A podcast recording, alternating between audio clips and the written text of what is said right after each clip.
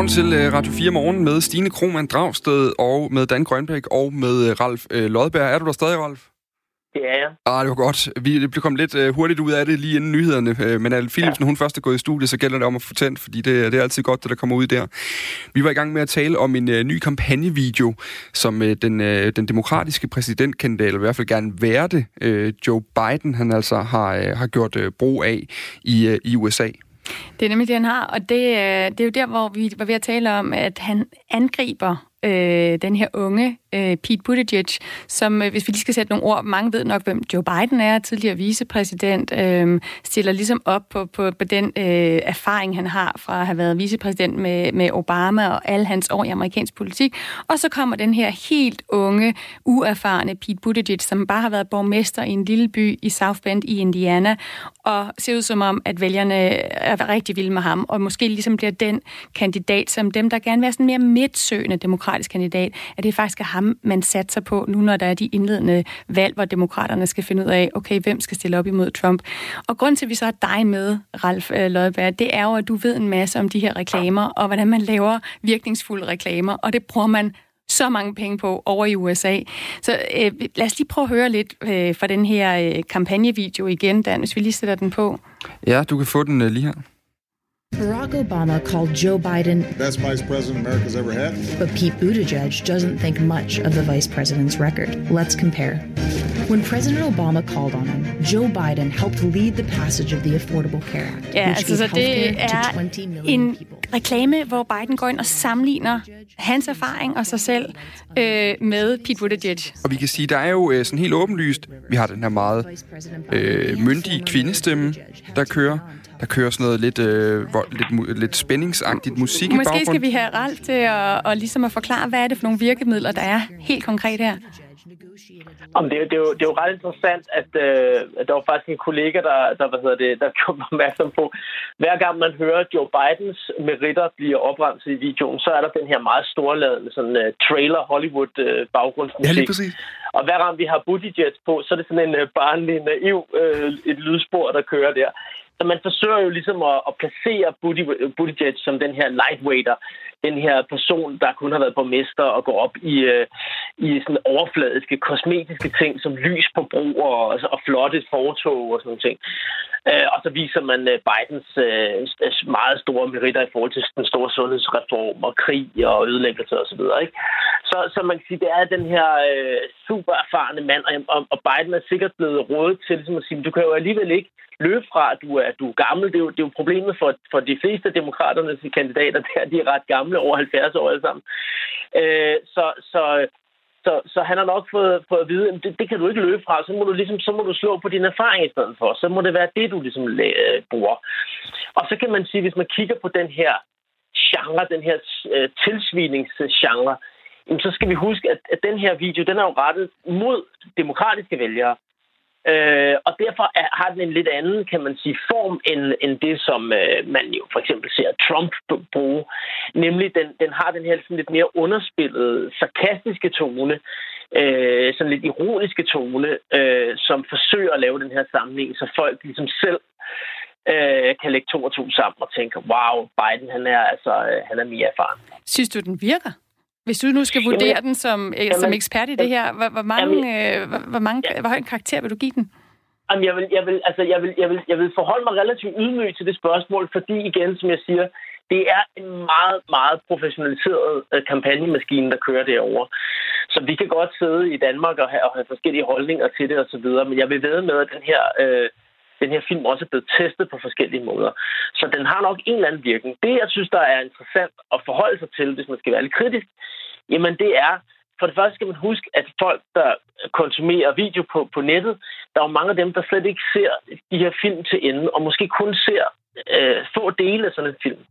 Og der er filmens udfordring lidt, at der bliver simpelthen sagt Pete Buttigieg så mange gange, så der er måske nogen, der ser den her film, som kan, kan få et indtryk af, at det faktisk er en kampagnefilm for Buttigieg. Ja, det er rigtigt. Og, og, det, har, og det, har, det har simpelthen været en udfordring, kan man sige. Hver gang man har forsøgt at lave det her, den her genre inden for reklame, hvor man sammenligner to personer eller to produkter. Øh, det ikoniske eksempel er jo, øh, er jo dengang øh, Coke og Pepsi de lå og kæmpede om magten til at være verdens bedste cola.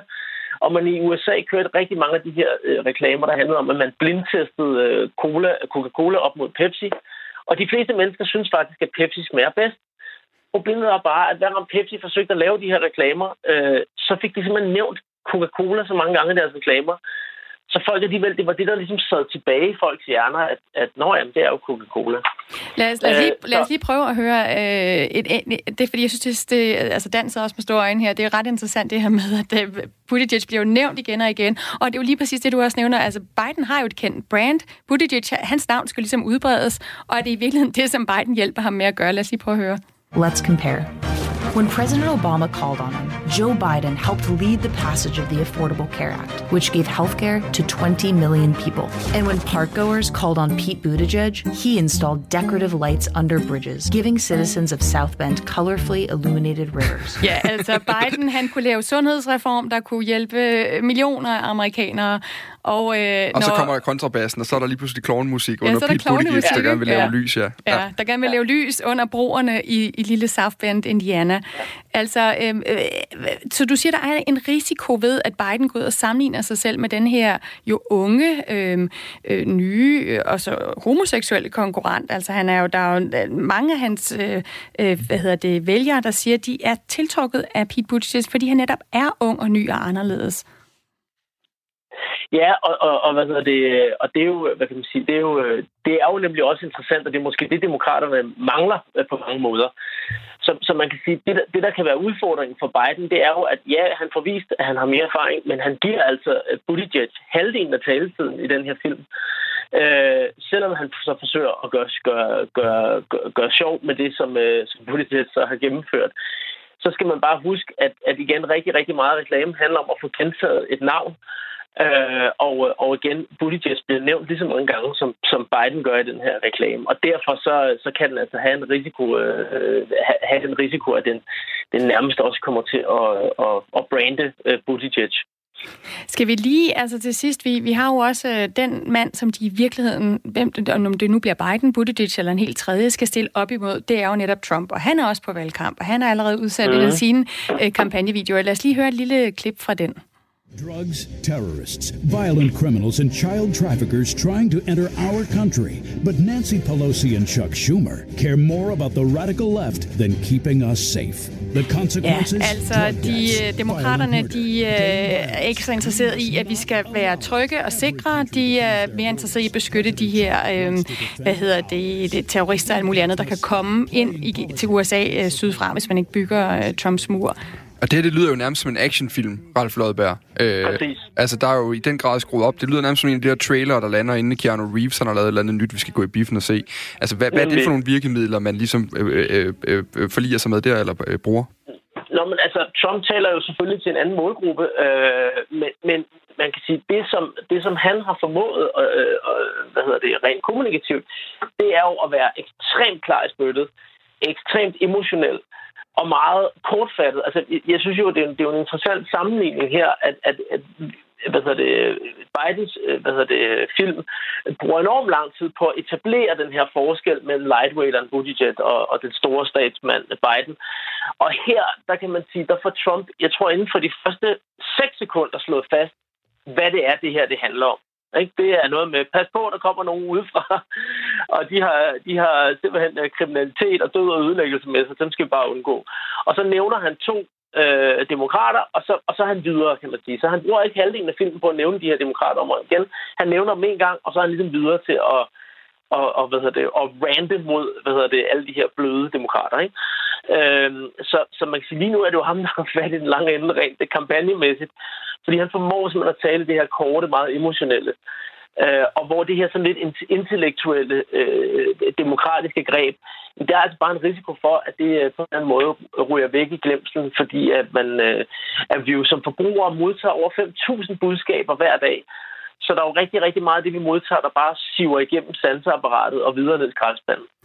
Ja, Trump kan det der med, med klare budskaber, og han kan det der med at spille på, på følelser. Øhm, tak, øh, Ralf Lodberg, øhm, øh, altså direktør i kommunikationsbyrået Advice, for, for ligesom at være med og, og prøve at gennemgå, hvad det er, de her øh, politiske reklamer, som, bliver, som der bliver brugt så mange penge på, kan. Og jeg er sikker på, at vi kommer til at lytte mere til det, fordi når vi kommer hen i marts, så har vi det, der hedder Super Tuesday, hvor Mike Bloomberg, altså den tidligere borgmester for, for New York, han også springer ind i, i det her opløb om, hvem der skal prøve at slå Trump.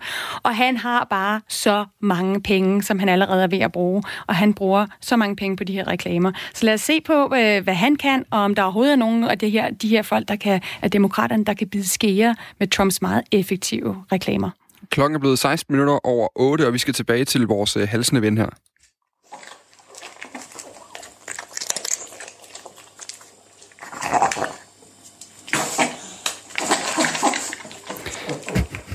Nej, det, det er faktisk ikke sjovt. Det er alvorligt. Men sådan her lyder det, når en fransk bulldog forsøger at spise uden at blive kvalt. Øh, franske bulldogs, de er nemlig så usunde, at det er yderst problematisk at afle dem. Tidligere på morgen, der talte vi med en øh, forsker bag en ny undersøgelse, som viser, at mindre end 20 procent af de franske bulldogs kan trække vejret frit. Nu kan vi sige uh, godmorgen til dig, Bent Hansen. Godmorgen. Du er kasserer i Bulldog-klubben, som hører under Dansk Kennelklub, og udover at være kasserer, så er du selv meget glad for franske bulldogs og har øh, tre af, af slagsen. Øhm, ja. Hvorfor skal man tillade en hunderace, hvor, hvor 80% af dyrene ikke kan trække vejret ordentligt? Altså nu er det også en, øh, en, en, en påstand, man nok skal tage med et græns salt. Øh, fordi, øh, hvad det hedder, øh, forskningen, den undersøgelse, der er lavet, bliver jo ikke kaldt for forskning. Man har taget 69 franske bulldogs og indsamlet nogle, nogle oplysninger om, og øh, er kommet frem til et resultat. Øh, vi arbejder i Bulldog-klubben med, altså der, der er jo ikke meget evidens i 69 franske bulldogs. Mm. Øh, I Bulldog-klubben, der har vi jo i mange år øh, arbejde med, hvad kan vi gøre for at gøre rasen sundere. Men jeg skal bare lige forstå, Fordi, mener, du, mener du, at der ikke er et problem med det her? Jo, der er et problem. Og det var, og det var også det, jeg, jeg egentlig var på vej til at sige, at øh, vi har jo i mange år arbejdet på at, at finde ud af, hvad kan vi gøre ved det her. Fordi den, altså den, den, den første grund, eller den første betingelse for at vi kan, kan gøre vores race sundere, det er at anerkende, at der er et problem. Mm. Og indtil nu, der, der har man øh, i de forskellige lande kørt med forskellige tiltag om, hvad kan vi gøre for at gøre resten sundere. Norge har kørt med et system, Sverige har kørt med et andet, og så videre, og så videre. Mm. I øjeblikket, der er vi i Bulldog-klubben og Dansk Kennelklub ved at indføre en, øh, øh, et system, som vi kalder for Cambridge-modellen, der er baseret på øh, 10-15 års forskning ja. på universitetet i Cambridge øh, om, hvad man kan gøre. Og øh, der arbejder vi med et... Med hvad, hvad, er, det, er, det, er det en måde at afle på, eller er det et indgreb, eller hvad er, hvad er Cambridge-modellen? Kan øh, du give sådan nogle Cambridge-modellen, det er, det, det, er, det er en måde at, at udvælge avlsdyr på.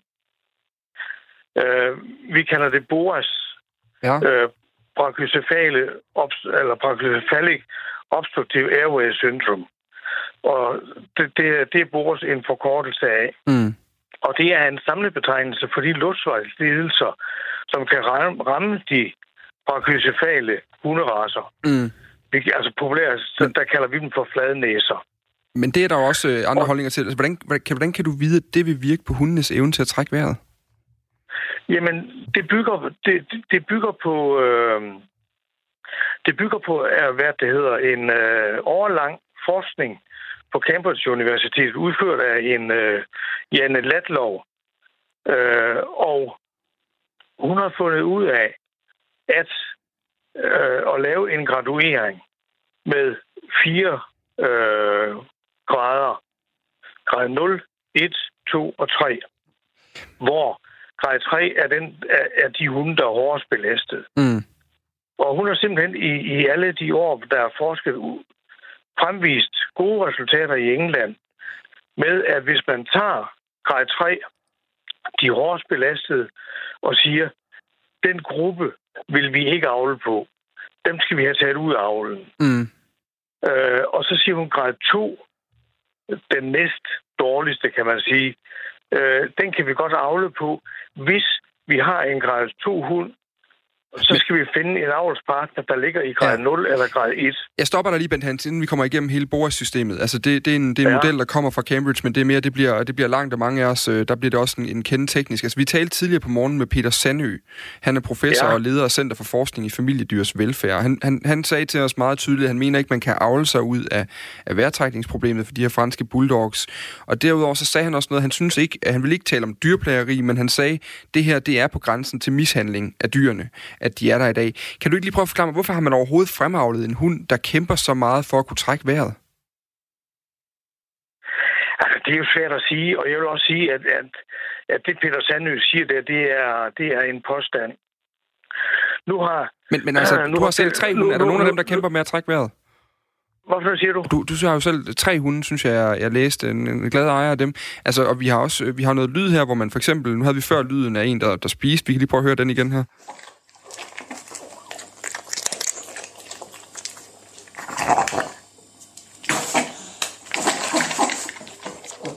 Som simpelthen har svært ved at, at, at trække vejret, mens den spiser. Øh, man ved jo, så kan vi altid diskutere, i hvilket omfang det er, men, men at der er problemer for, for i hvert fald en, en relativt stor del af de her hunde, med simpelthen at trække vejret.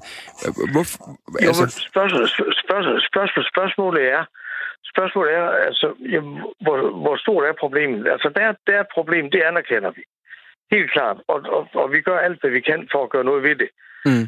Øh, men nu har, nu har Peter Sandø og, og, og Mariette Fredholm udvalgt 69, øh, 69 franske bulldog, hvor de har kigget på, og fundet ud af, at så og så mange er, er dårlige, mm. øh, dårlige vejrtrækkere. Men hvor har de fået de hunde fra? De har fået er fra, det, fra forskellige hunde? forspørgseler. Både igennem Dansk Kennelklub har de, øh, halvdelen var cirka igennem derfra, og resten var, var fundet via Facebook. Øh, så det forklarer han egentlig også. Men, men det er mere... Ja, altså, at, men, hvorfor men, har man overhovedet men, hunde, men, hvor, hvor der er, hvor der er vejrtrækningsproblemer? Men Ben Hansen, må jeg lige spørge dig om noget? Altså, du er jo en glad ejer af tre franske bulldogs. Har de slet ikke problemer med at trække vejret? Det, det synes jeg ikke. Men altså, det er, altså, vores franske bulldogs har et godt hundeliv, og, og de kan holde til de gode ture, vi byder dem, og øh, leger øh, sammen. Men altså, min hund synes jeg ikke lige nu her er er, hvad det hedder, er interessante. Det interessante, synes det, jeg... Jeg synes, det er meget det, interessant med det, dine hunde og med andre hunde, som, som bulldog, som vi jo, så mange af os jo synes er, ser enormt søde ud, men som jo altså forskere som Peter Sandø og andre siger, at det er simpelthen øh, mishandling, når de har de her øh, vejrtrækningsproblemer. Jeg, jeg, jeg bliver bare nødt til at spørge dig, selvom du så ikke synes, at, dine har, at de kan have et godt liv, dine hunde, hvorfor vælger du at få en hund, som er så kontroversiel, hvor vi kan i hvert fald diskutere, om det er mishandling, øh, hvis de ikke kan spise og trække vejret, hvis de ikke kan sove uden at have problemer med at skulle ligge op af nogen for at have hovedet op af, når der er så mange andre hunde, der godt vil have det hjem? Altså, det, det, er, jo, det er jo svært at sige. Altså, den, altså, altså vi vil jo gerne snakke facts. Og altså, min hund er jo, er jo ikke øh, interessant i den her, i den her forbindelse. Vi, vi har valgt vores hund ud fra, hvad, hvad vi har kunnet af, af sundhed. Øh, altså, undskyld, fundet... du har valgt at få franske bulldog, fordi de er sunde? Nej, nej, nej, nej, nej, nej. Fordi, fordi det er en dejlig hunderace med et dejligt temperament. Men jeg vil meget gerne... I og du synes slet ikke, der er nogen problemer i, at, at de kan have svært ved at trække vejret, og du skal passe på ikke at gå for lange ture med dem? Altså, det, det, det, har vi, det har vi ikke nogen problemer med. Men jeg vil pokkers gerne snakke facts og forklare, hvad gør Bulldog-klubben, og hvad gør Dansk Kennelklub for at, for at løse det her problem? Ja, men, men, det, det, men det, kan vi, og det har vi også gjort, og, og, og, og det, som vi bare stiller spørgsmålstegn ved, nej, det er, at øh, nej, det hvorfor overhovedet, det, det, hvorfor det synes jeg at få lov til. Nej, men hvorfor overhovedet prøve at løse et problem, når, når, man, når man kan sige, der er det her, altså vi har så mange andre hunderaser, hvorfor overhovedet prøve at afle på en hunderace, som der er nogle forskere, der siger, man kan operere på dem, så de kan måske trække vejret ordentligt. Det kan være rigtig svært at afle dem, øh, så, så de kan trække vejret, fordi vi kender faktisk ikke stamtavlerne på mange af dem, I har her i Danmark. Hvorfor ikke bare få sig en anden hund? Jamen, ved du hvad? Det, altså, det, det er jo fordi, der er så mange, der gerne vil have den hunderace. Og det er en, en, en fantastisk race. Og vi, men som jeg også tidligere sagt, vi er godt klar over, at, at der er problemer. Men jeg vil gerne have lov til at Hva, forklare... Hvad for nogle hvad problemer gør er vi- du klar over, der er? Hvad gør vi for det? At, at der kan være... Det, jeg sagde før med, med de bronkysefale racer, at der er, kan være luftvejsproblemer. Øh, men den forskning, der er lavet i England, den er baseret på små tusinde hunde. Den har strukket sig over en årrække på 10-15 år. Og der viser, at hvis man, hvis man avler efter den formel, som jeg, som jeg nævnte før, eller, eller det system, jeg nævnte før, med at udelukke de værste og bruge de, de andre fornuftigt, så får man over en årrække en klar forbedring af de luftvejsproblemer. Og så mener jeg, så, så skal vi have lov til det. Systemet har, har kørt nogle år i England. I september måned, der blev det indført i Norge. Det har mm. vi fulgt meget tæt på her i Danmark, hvad man har gjort i England og Norge. Og den 3. september, der holdt vi et bestyrelsesmøde i Bulldog-klubben, udelukkende baseret på sundhed, og fandt ud af, at vi vil vide noget om, mm. om det system. Lige kort, Ben Og- Hansen, fordi jeg er nødt til lige at gå ind og sige, at, at, at omkring den her BOAS-ordning, altså Peter Sandø, han har fortalt os øh, til baggrund for interviewet, at den, det er den samme metode, altså BOAS-metoden, han har brugt i sin undersøgelse, og det løser ifølge ham på ingen måde hundenes vejrtrækningsproblemer, at graduere hundene efter, efter BOAS. Også fordi et af problemerne er, at kun 14 procent af de franske bulldogs i Danmark har en stamtavle, og, og det besværer Jo, Men, men, men jeg vil gerne, Ben Hansen, det er bare fordi, vi kommer ikke så meget videre, fordi vi kender ikke særlig meget til forskning, så lige nu der står øh, dit ord, om Boas står lidt over for, for, øh, for Peter Sandøs, så, så det er sådan lidt jo, jo, svært at komme så meget men, videre for os men, der. Men, men, men prøv, prøv, prøv nu lige at høre her. Det er jo påstand mod påstand. Jamen det er det lige præcis, og det er derfor, vi ikke rigtig kan komme fordi Peter så Sandø, meget længere. Peter, Sand, Peter Sandøs påstand bygger på en, ikke forskning øh, i mine øjne, men, Men- en undersøgelse af 69 franske bulldog. Hvorimod Cambridge-modellen... Men, men Peter er små- er stadig er professor og leder af. Center for Forskning i Familiedyrs Velfærd. Det er vi bare nødt til lige at holde fast i. Og ved du hvad, Ja, ja. jeg, jeg tror desværre ikke, Ben Hansen, vi, er også, øh, vi, har simpelthen, vi har simpelthen brugt øh, tiden, der var til, til det her indslag nu, men vi er, vi er rigtig glade for, at du lige vil være med her. Øh, altså kassere i Altså, Bulldog-klubben. også, jeg er også glad for at have været med og få godt. mulighed for at kommentere det her. Jeg er bare ked af, at jeg ikke får lov til at forklare i dybden. Ja, Hvad det, det er, det, her, det, det det, det er ud på. desværre øh, præmissen i sin morgenradio. Det har vi ikke altid tid til. Vi er nødt til at løbe videre nu, Ben Hansen. Kan du have en god dag? Tak lige måde. Tak. Og Dan, jeg synes jo egentlig også, at vi kom meget mere i dybden, end jeg måske lige havde tænkt mig, at jeg kunne overskue med det her BOAS-teknik og så Vi skal i videre. hvert fald have læst op I på hvert vores fald, så synes hundeforskning. Vi, ja, vi skal læse op på det, og hvis der er nogen, der sidder derude med en fransk bulldog, kom ind forbi studiet. Vi kunne altså rigtig godt tænke os at, at, at, at, at se sådan en fransk bulldog, og hvor- hvordan den har det med vejrtrækningen. Klokken er blevet øh, to minutter i halv ni, og vi skal øh, nu til en historie om benzin og diesel og alle de her biler, der blæser rundt øh, ude på øh, vejene. Fordi vi skal af med benzinen, vi skal af med dieselbilerne, vi skal have flere elbiler derude, og det skal blandt andet ske, Stine, ved at lave flere ladestationer langs motorvejen og gøre det gratis for elbiler at køre over Storbælt. Altså, hvor man kan, stikke, øh, hvor man kan oplade sin elbil. Ja, ja, lige præcis. Ja, Ja. ja. Stik batteriet ind. Ja, det, Ja. ja. lige præcis. Tager batteriet ud og sætter det ind i det. Jeg tror, det er sådan, det fungerer. Øh, sådan lyder et udspil fra øh, Venstre og de radikale. Og nu kan vi sige øh, godmorgen til øh, Martin Messer Thomsen. Godmorgen. Godmorgen. Du er øh, talsmand for de forenede danske elbilister. Og vi kan jo lige starte med at sige, at, at målet med udspillet er jo at få flere elbiler på vejene. Tror du, at øh, det vil have den effekt? En del af udspillet vil helt sikkert have den effekt. Det, det er vi ikke i tvivl om.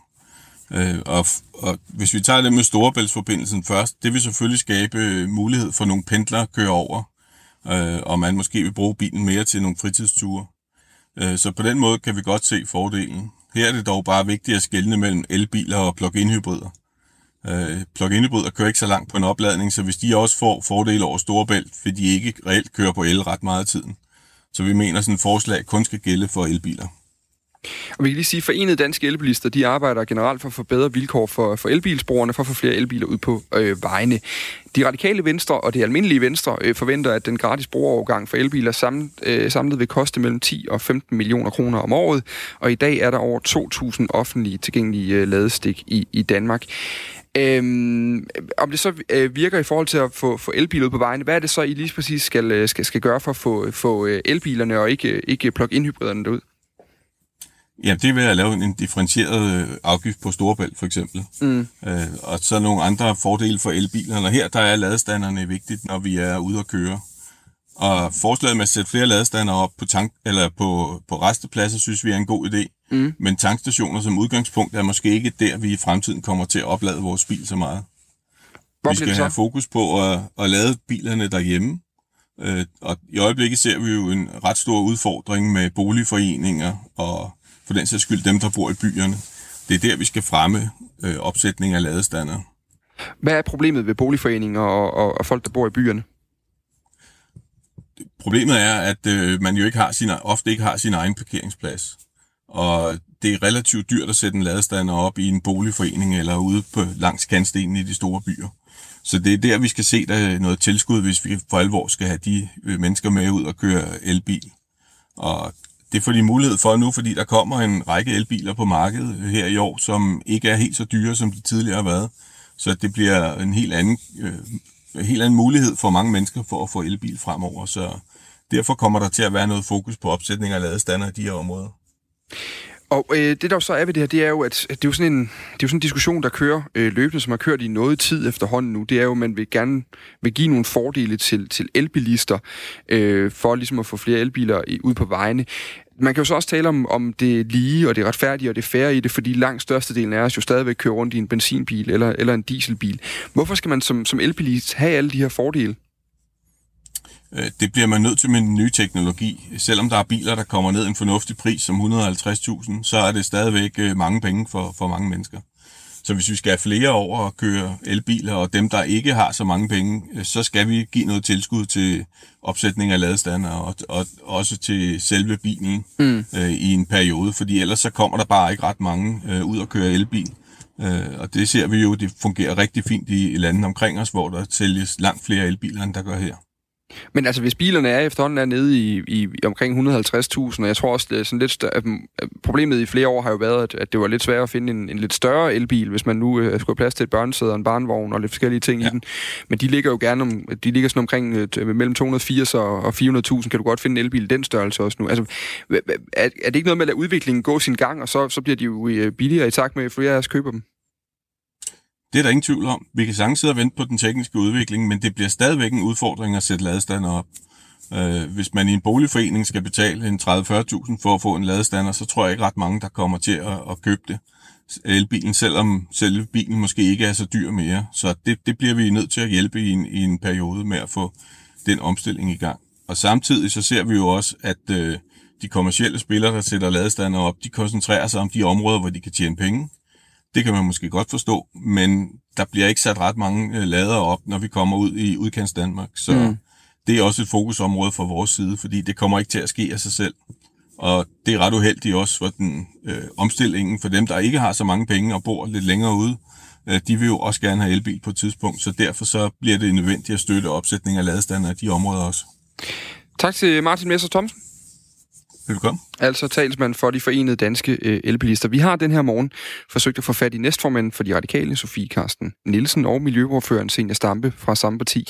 Det er altså ikke øh, lykkedes, men de er altså kommet med det her fælles udspil øh, sammen med Venstre, som skal få endnu flere til at købe øh, elbiler. Det vil man jo så gøre ved at bruge en, en såkaldt norsk model, hvor man som elbilist får en hel masse fordele ude i trafikken. Og Dan, så skal vi jo lige komme med en undskyldning, fordi det er altså simpelthen tredje gang, at vi nu må øh, trække nyhederne. Anne Philipsen, hun så klar, og klokken er lidt over halv, og sådan kan det bare gå, når man bliver så optaget af, hvordan hunde trækker vejret. Hun smiler Men Anne, Stine, Philipsen, det er jo også enormt vigtigt med sådan noget her, hvordan hunde trækker vejret. Jeg tænker, at du måske har noget endnu vigtigere til os. Det ved jeg ikke. Jeg har i hvert fald nogle nyheder med. Skal vi ikke tage en, en omgang af dem? Jo.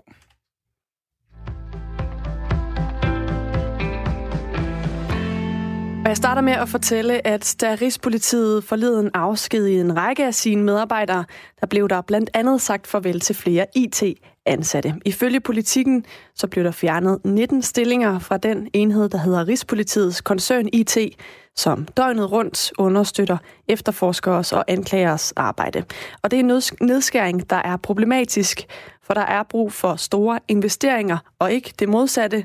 Det mener Henning Mortensen, han er formand for Rådet for Digital Sikkerhed.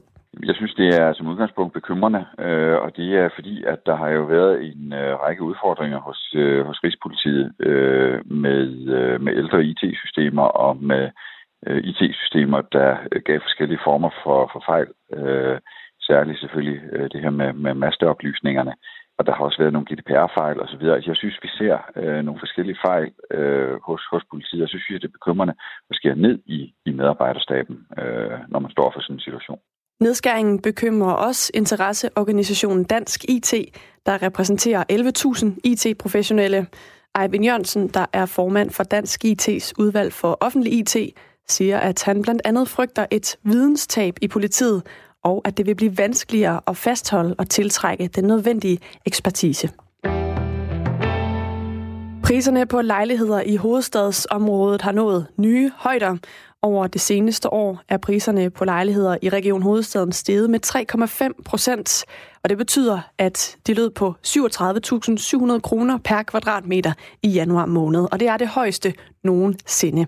Det viser tal fra boligsiden.dk, og interesseorganisationen for blandt andet bankerne, Finans Danmark.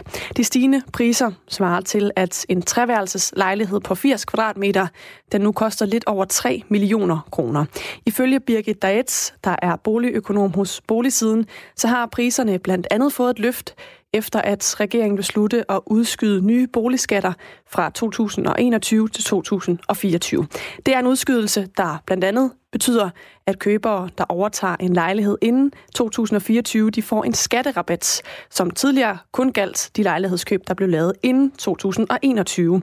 Og folk, der køber projektlejligheder, der er færdige inden 2024, de får også en rabat, fortæller Birgit Deitz fra Boligsiden. Udskydelsen af reglerne giver noget ekstra aktivitet, fordi folk de føler sig lidt mere trygge, når de køber deres øh, ejerlejlighed. Og Birgit Deitz forventer, at resten af 2020 også vil være præget af, at der kommer til at være høj aktivitet på lejlighedsmarkedet omkring hovedstaden. Der er jo en enorm efterspørgsel efter ejerlejligheder i København, og renten er virkelig lav, så det vil sige, at man kan få, få mulighed for at købe sin ejerlejlighed. Selvom prisen er høj, så, så er det ikke så dyrt at finansiere ejerlejligheden. Og det er ikke kun omkring hovedstaden, at priserne på ejerlejligheder er steget i januar måned. Det samme gør sig gældende i Region Midtjylland, Nordjylland og Syddanmark. Anklagemyndigheden i USA kræver en straf til præsident Donald Trumps tidligere rådgiver gennem mange år, Roger Stone, der lyder på mellem 7 og 9 års fængsel.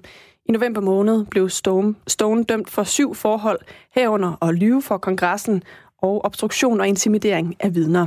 Anklagemyndigheden hævdede under retssagen, at Stone løj over for kongressen om Trump-kampagnens kontakter med Wikileaks og materiale, som skulle belaste den daværende demokratiske præsidentskandidat Hillary Clinton. Og Wikileaks er jo den her hjemmeside, der publicerer dokumenter fra myndigheder, ministerier og institutioner, som er blevet lækket. Straffen til Roger Stone lød på tre års betinget fængsel og 45 dages ubetinget fængsel, men det vil anklagemyndigheden altså have ændret. Dommen skal afspejle en valgperiode i USA, lyder det fra anklagemyndigheden. Sagen skal for retten igen den 20. februar, og her forventes det så, at Stones straf vil blive udmålt. Roger Stone er den sjette person, der er knyttet til Donald Trump og hans kampagne, som siden 2017 er blevet fundet skyldig eller har erklæret sig skyldig i anklager om kriminelle forhold. Vi er godt i gang med en blæsende dag, hvor der også kommer en del byer med havl eller slud, men også lidt sol indimellem og temperatur mellem 5 grader.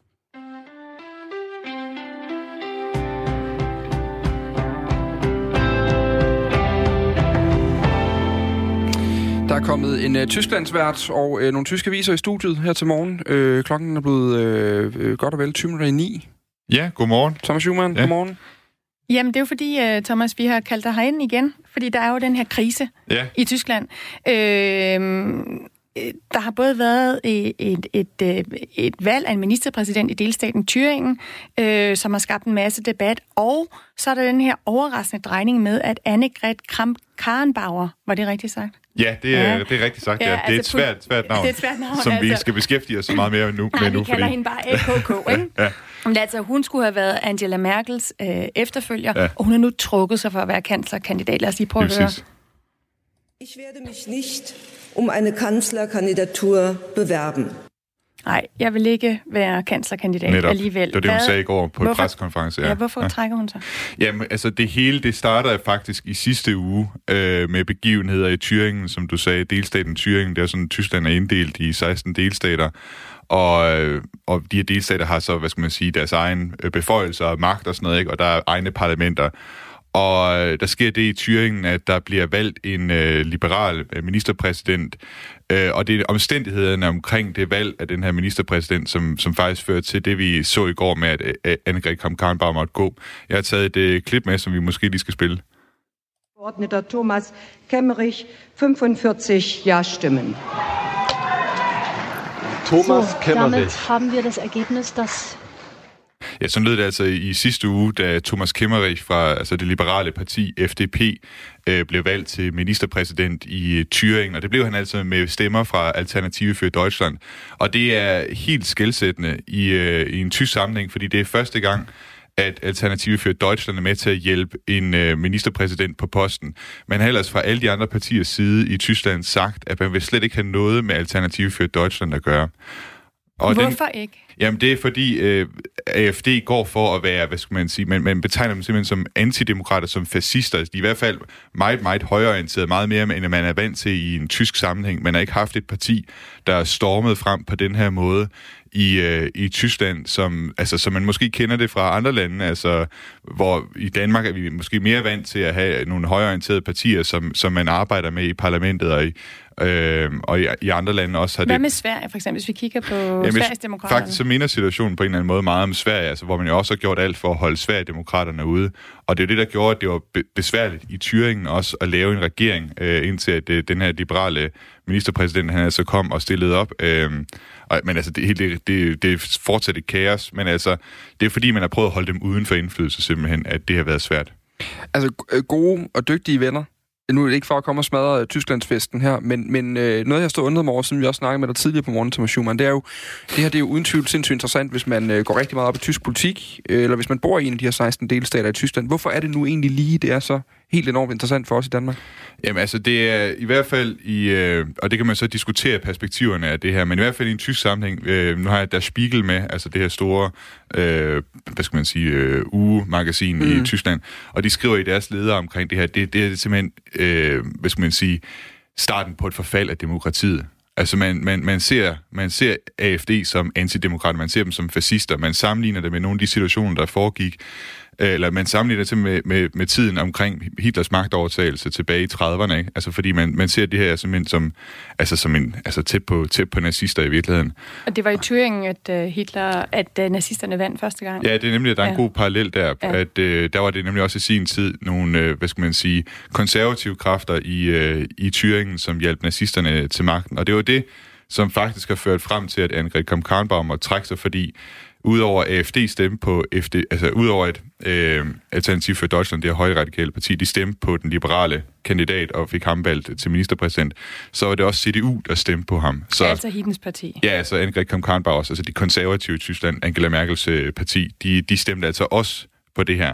Så de er virkelig kommet i fedtefadet på grund af det her, fordi man fra CDU's side, altså fra, fra de konservative side, har hele tiden sagt, at man skal på ingen måde øh, nærme sig øh, Alternative for Deutschland. Men det er der altså noget uenighed om i, øh, i CDU rundt om i Tyskland. En ting, det er, hvad man mener på landsplan, altså på forbundsplan, der hvor Angrik kom Karnbauer, altså indtil i, i går, øh, hvad skal man sige, var, var ledende skikkelse. En ting er, hvad man mener der, og så noget andet, det er, hvad man mener, hvad mener man ude i delstaterne. Mm. Og særligt i de østlige delstater, hvor det er et alternativ for Deutschland, de står stærkt, der har man altså en hold, anden holdning om, hvorvidt man skal samarbejde med dem. Så, så ja. hvis vi skal, for det bare lige for at gøre den færdig, så hvis vi skal trække den op på nogle navler, hvor man sidder herhjemme som, øh, som øh, sådan, øh, knap nok interesseret i dansk politik og kigger ud af, så er det altså fordi, det på en eller anden måde fortæller os noget om, om demokratiets øh, hvad kan man sige, tilstand ja. i vores verden i dag. Ja, altså det er, jo, det er jo samme bevægelse, vi har set i mange andre lande, ikke? Altså ja. med, med de her, hvad kan man sige, populister, som, som det bliver kaldt, og, og højorienterede bevægelser, og sådan stærkmand-agtige øh, typer. Altså man har jo i øh, Thüringen, øh, hvad skal man sige, den fremtrædende skikkelse for AFD, der er Bjørn Høgge, som er meget, meget belibt i, i, i altså blandt, øh, blandt vælgerne. Der altså i hvert fald, elsket. Er elsket, ja. Øh, men altså som, altså, som går under, og hvad skal man sige, blive, altså, man er simpelthen fra myndighedernes side sagt i Tyskland, det er okay at betegne ham som fascist. Øh, han bliver også, hvad skal man sige, overvåget af de tyske Hvorfor? forfatningsmyndigheder. Jamen, det er på grund af nogle af de udtalelser, han har haft omkring, altså blandt andet, blandt andet omkring, hvad skal man sige, øh, holocaust og, hvad hedder det, og også i forhold til, øh, hvad skal man sige, helt indvandrerdebatten, altså hvor hårdt han har ytret sig i forhold, i forhold til sådan noget. Så vi har hele den her udfordring for, hvordan man håndterer den her højre radikal bevægelse, der nu igen øh, stikker sit hoved frem i, i Tyskland. Og så har vi det konservative, kristenkonservative CDU, som skal prøve at skifte formand. Mm. Og nu har øh, AKK, kalder jeg hende så, kastet håndklædet i ringen, sagt, okay, jeg melder mod her. Jeg vil gerne være forsvarsminister, men jeg er ikke med øh, på den her kanslervogn ja. mere. Hvem er det så, der ligesom melder deres kandidatur nu? Jamen, øh, jeg har jo taget avisen med her, og i Süddeutsche Zeitung der kan man se på side 2, at der er et fint billede af, hvad skal man sige, øh, de tre kandidater. Jeg ved ikke, om I kan se det her. Vi lige låne den herovre Ja. måske. Ja. Ja. Øh, det er tre mænd. Øh, man kan sige, nu er det jo en, en kvinde med Angela Merkel, der i lang tid har tegnet øh, CDU, og så øh, Angrik Kam, øh, Kam Karnbauer. Men det er altså tre mænd, der står til at skulle overtage posten. Jeg har et klip med faktisk øh, af to af dem, der udtalte sig til øh, tysk fjernsyn i går. Det er Fried- Friedrich Merz og Armin øh, Laschet.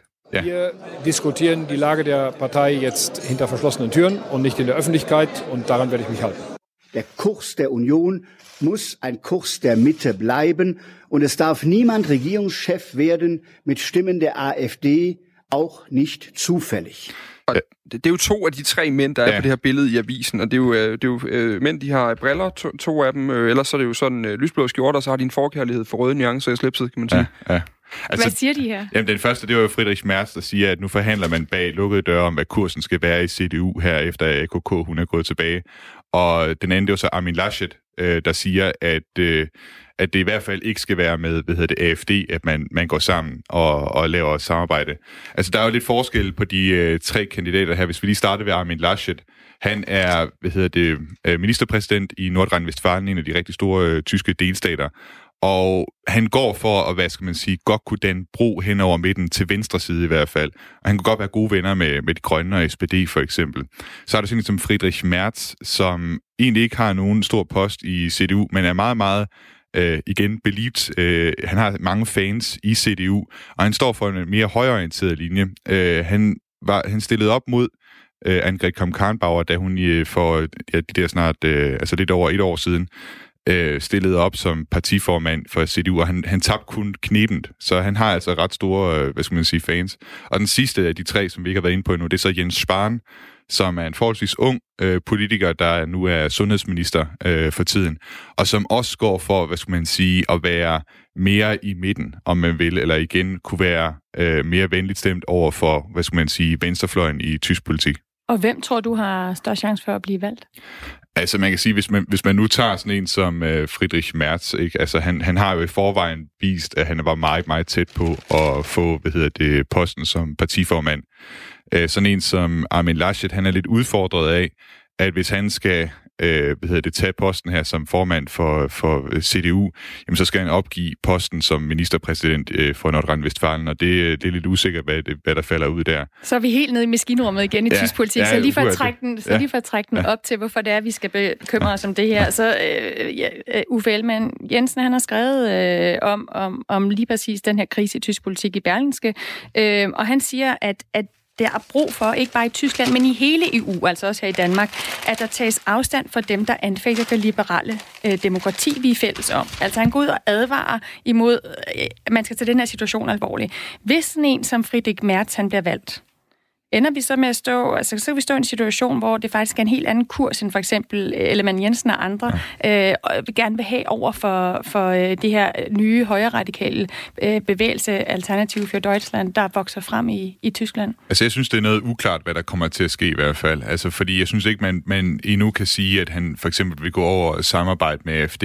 om det ikke, at- om det ikke alligevel er for stort et tabu og sådan direkte samarbejde med dem på en måde, som man for eksempel har set øh, i Danmark, at man har samarbejdet rigtig tæt med Dansk Folkeparti. Jeg ved heller ikke, om den sammenligning, den sammenligning er nok heller ikke korrekt at lave mellem AFD og, og Dansk Folkeparti. Der er AFD nok alligevel øh, noget mere ekstrem, i hvert fald øh, dele af partiet.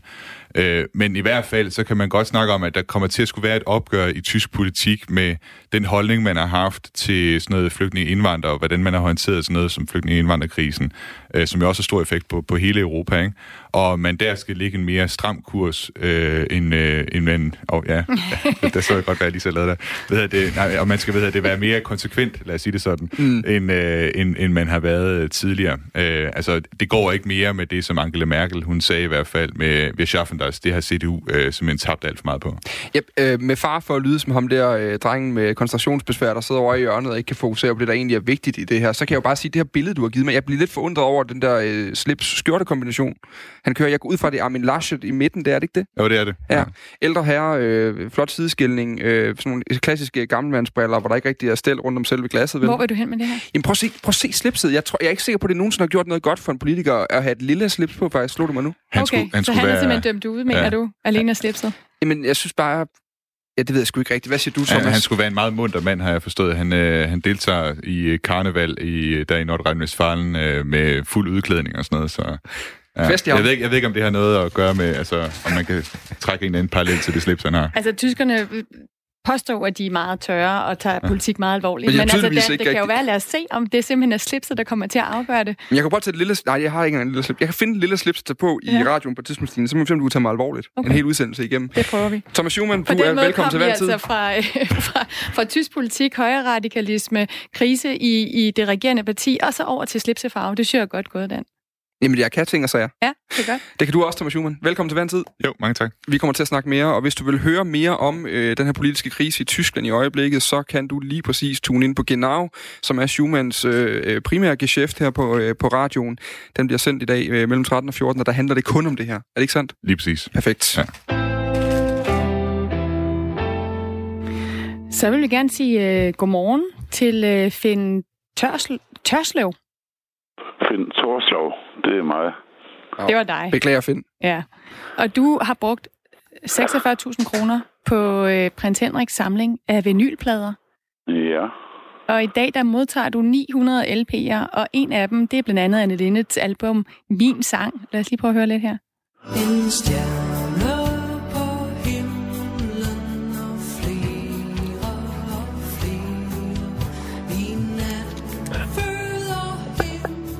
Jamen altså, det er jo Anne Linnet øh, med, den, med sangen Lille Messias. Øh, og det, øh, den og, og, og 900 andre LP'er, det synes du simpelthen er 46.000 kroner øh, værd. Hvorfor har du brugt så mange penge på prins Henriks LP'er? Jamen, jeg bor i det gamle Marie Torel ved Odder, der har jeg sammen på kongens ting de sidste 50 år, og så har jeg tit tænkt, at jeg vil lave et museum, og vise det frem for folk, og så kom de pludselig til salg, og så tænkte jeg, dem må jeg have, så når jeg laver rundvisninger i min gamle stuer, så vil jeg spille hans musik samtidig. Du vil lave et museum, og så spille hans musik samtidig. Jeg skal lige ja. høre, hvad, hvad har du ellers, som du vil vise på det her museum? Og jeg har en samling af Erna Hemmelsons gamle tasker og billeder og og så har jeg tusindvis af kongens ting. Og jeg har også øh, dronning Margrethes gamle Daimler. Det er en gammel bil, simpelthen, du har der? Ja, ja. Det er den, krone 1? Nej, det var den første bil, hun fik, da hun var blevet tronfølger. Modtaget? En Daimler limousine. Den er så lige på værksted i øjeblikket, men så kommer den frem, når jeg når jeg har mit julemarked, som starter i efterårsferien, så bliver den udstillet, og så sælger, sælger jeg resten af, af prins Henriks klæder stykvis, dem jeg ikke selv får brug for. Jeg kan ikke, Find, jeg hvad, du, også. Find, hvad er du aller, aller gladest for, de ting, du har? Jamen, det, det er helheden af mit hjem. Det er noget, jeg har bygget op gennem 50 år. Hvorfor er de, de royale så vigtige for, for dig? Jamen, det ved jeg ikke. Jeg har altid været royal i siden jeg var barn. Så har jeg sammen hver gang, jeg har set noget. Jeg har kørt rundt og solgt brugskunst i hele landet, og hver gang jeg så en ting fra kongehus, så har jeg købt det. Hvad betyder det for dig at spille en plade, som du ved har været prins Henriks? Jo, jo, men det giver jo sådan hele miljøet og stemningen jo. Når man ved, det er noget, de kongelige også har lyttet til. Vi havde for noget tid siden, jeg kan faktisk ikke, øh, og det er ren uhøflighed, jeg kan faktisk ikke huske, hvad han hed, men vi talte med en musikhistoriker i forbindelse med den her øh, pladesamling, blev sat til salg, øh, Finn Torslov, og der, han sagde til os, at der var faktisk ikke rigtig noget spændende i den her samling, sådan rent musikalsk. Og han, han, han synes alligevel, det var lidt, lidt sjovt, men man kunne ikke helt fange, øh, hvorfor det var helt genialt, øh, at den her pladesamling kom til salg. Hvad, hvad er det, han, og, og måske også andre af os ikke helt forstår, hvorfor, hvorfor er det specielt at, at finde sådan nogle ting? Hvorfor er det 46.000 kroner specielt? Ja, nu gik den jo så også lidt højere op, end jeg havde regnet med, fordi jeg lavede et automatbud på den, men det var så en anden, der gjorde så lige da jeg bød, der sprang den 8.000 kroner op. Men altså, jeg synes jo, det er noget, der har tilhørt de kongelige gemakker, som har været spillet i, i kongehuset. Og så synes jeg, så passer det lige til mig. Mm. Jeg, jeg havde på et tidspunkt for øh, mange år siden, da jeg var yngre, der havde jeg sådan en hobby, hvor jeg godt kunne tænke mig, jeg kunne godt lide at købe fodboldplakater. Og for at finde de Køb rigtig gode, sådan nogle fodboldplakater, du ved, sådan nogle idolplakater fra Ja. med gamle fodboldspillere på.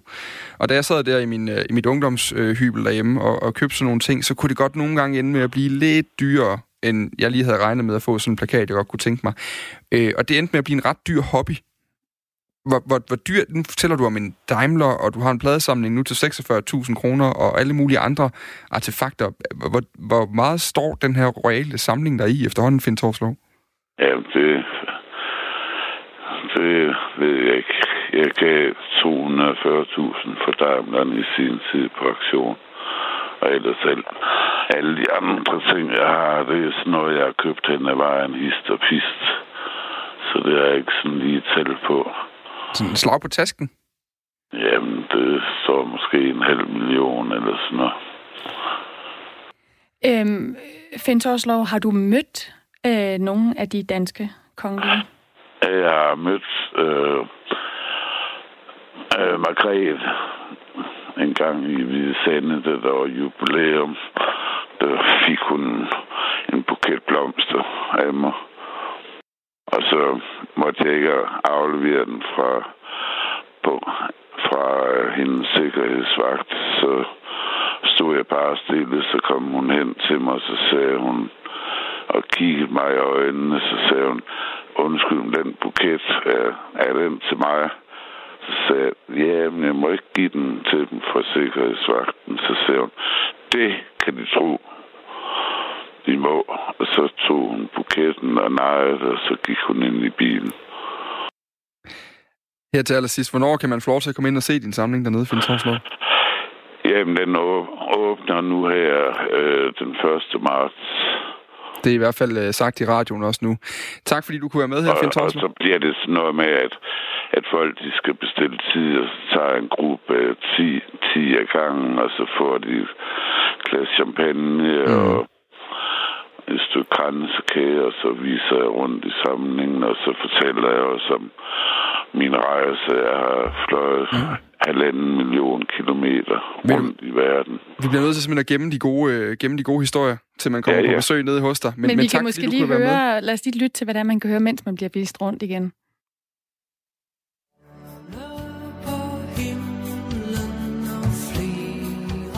Det her det er jo Anne Linde, der synger Lille Messias, men det er ikke bare Anne Linde, det er altså prins Henriks Anne Linnet LP, som altså skal spilles, øh, mens man kan blive vist rundt og, og se øh, Finn øh, Torslovs øh, samling her af royale øh, ting. Dan, har du nogensinde ejet noget, som de kongelige har, har haft her i Danmark?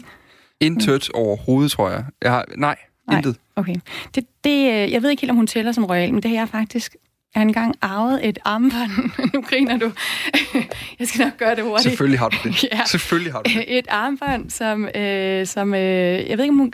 Altså, nu er jeg jo ikke særlig royal, så nu får jeg problemer her, fordi jeg ved, at vores producer, Sara, hun ved alt Så- om det her. Men der, øh, dronning Dagmar øh, armbånd har jeg arvet, øh, fordi vi har jo guldsmed i min familie.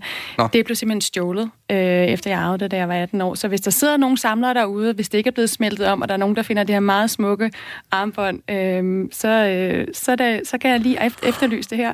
Ring til Due hedder i den her uge Ring til Brit, kan man sige. Det handler om coronavirus. Det er lige på den anden side af nogle nyheder. Vi er tilbage igen i uh, morgen tidlig. Jeg selv og Stine Krohmann Dragsted klokken den er blevet 9.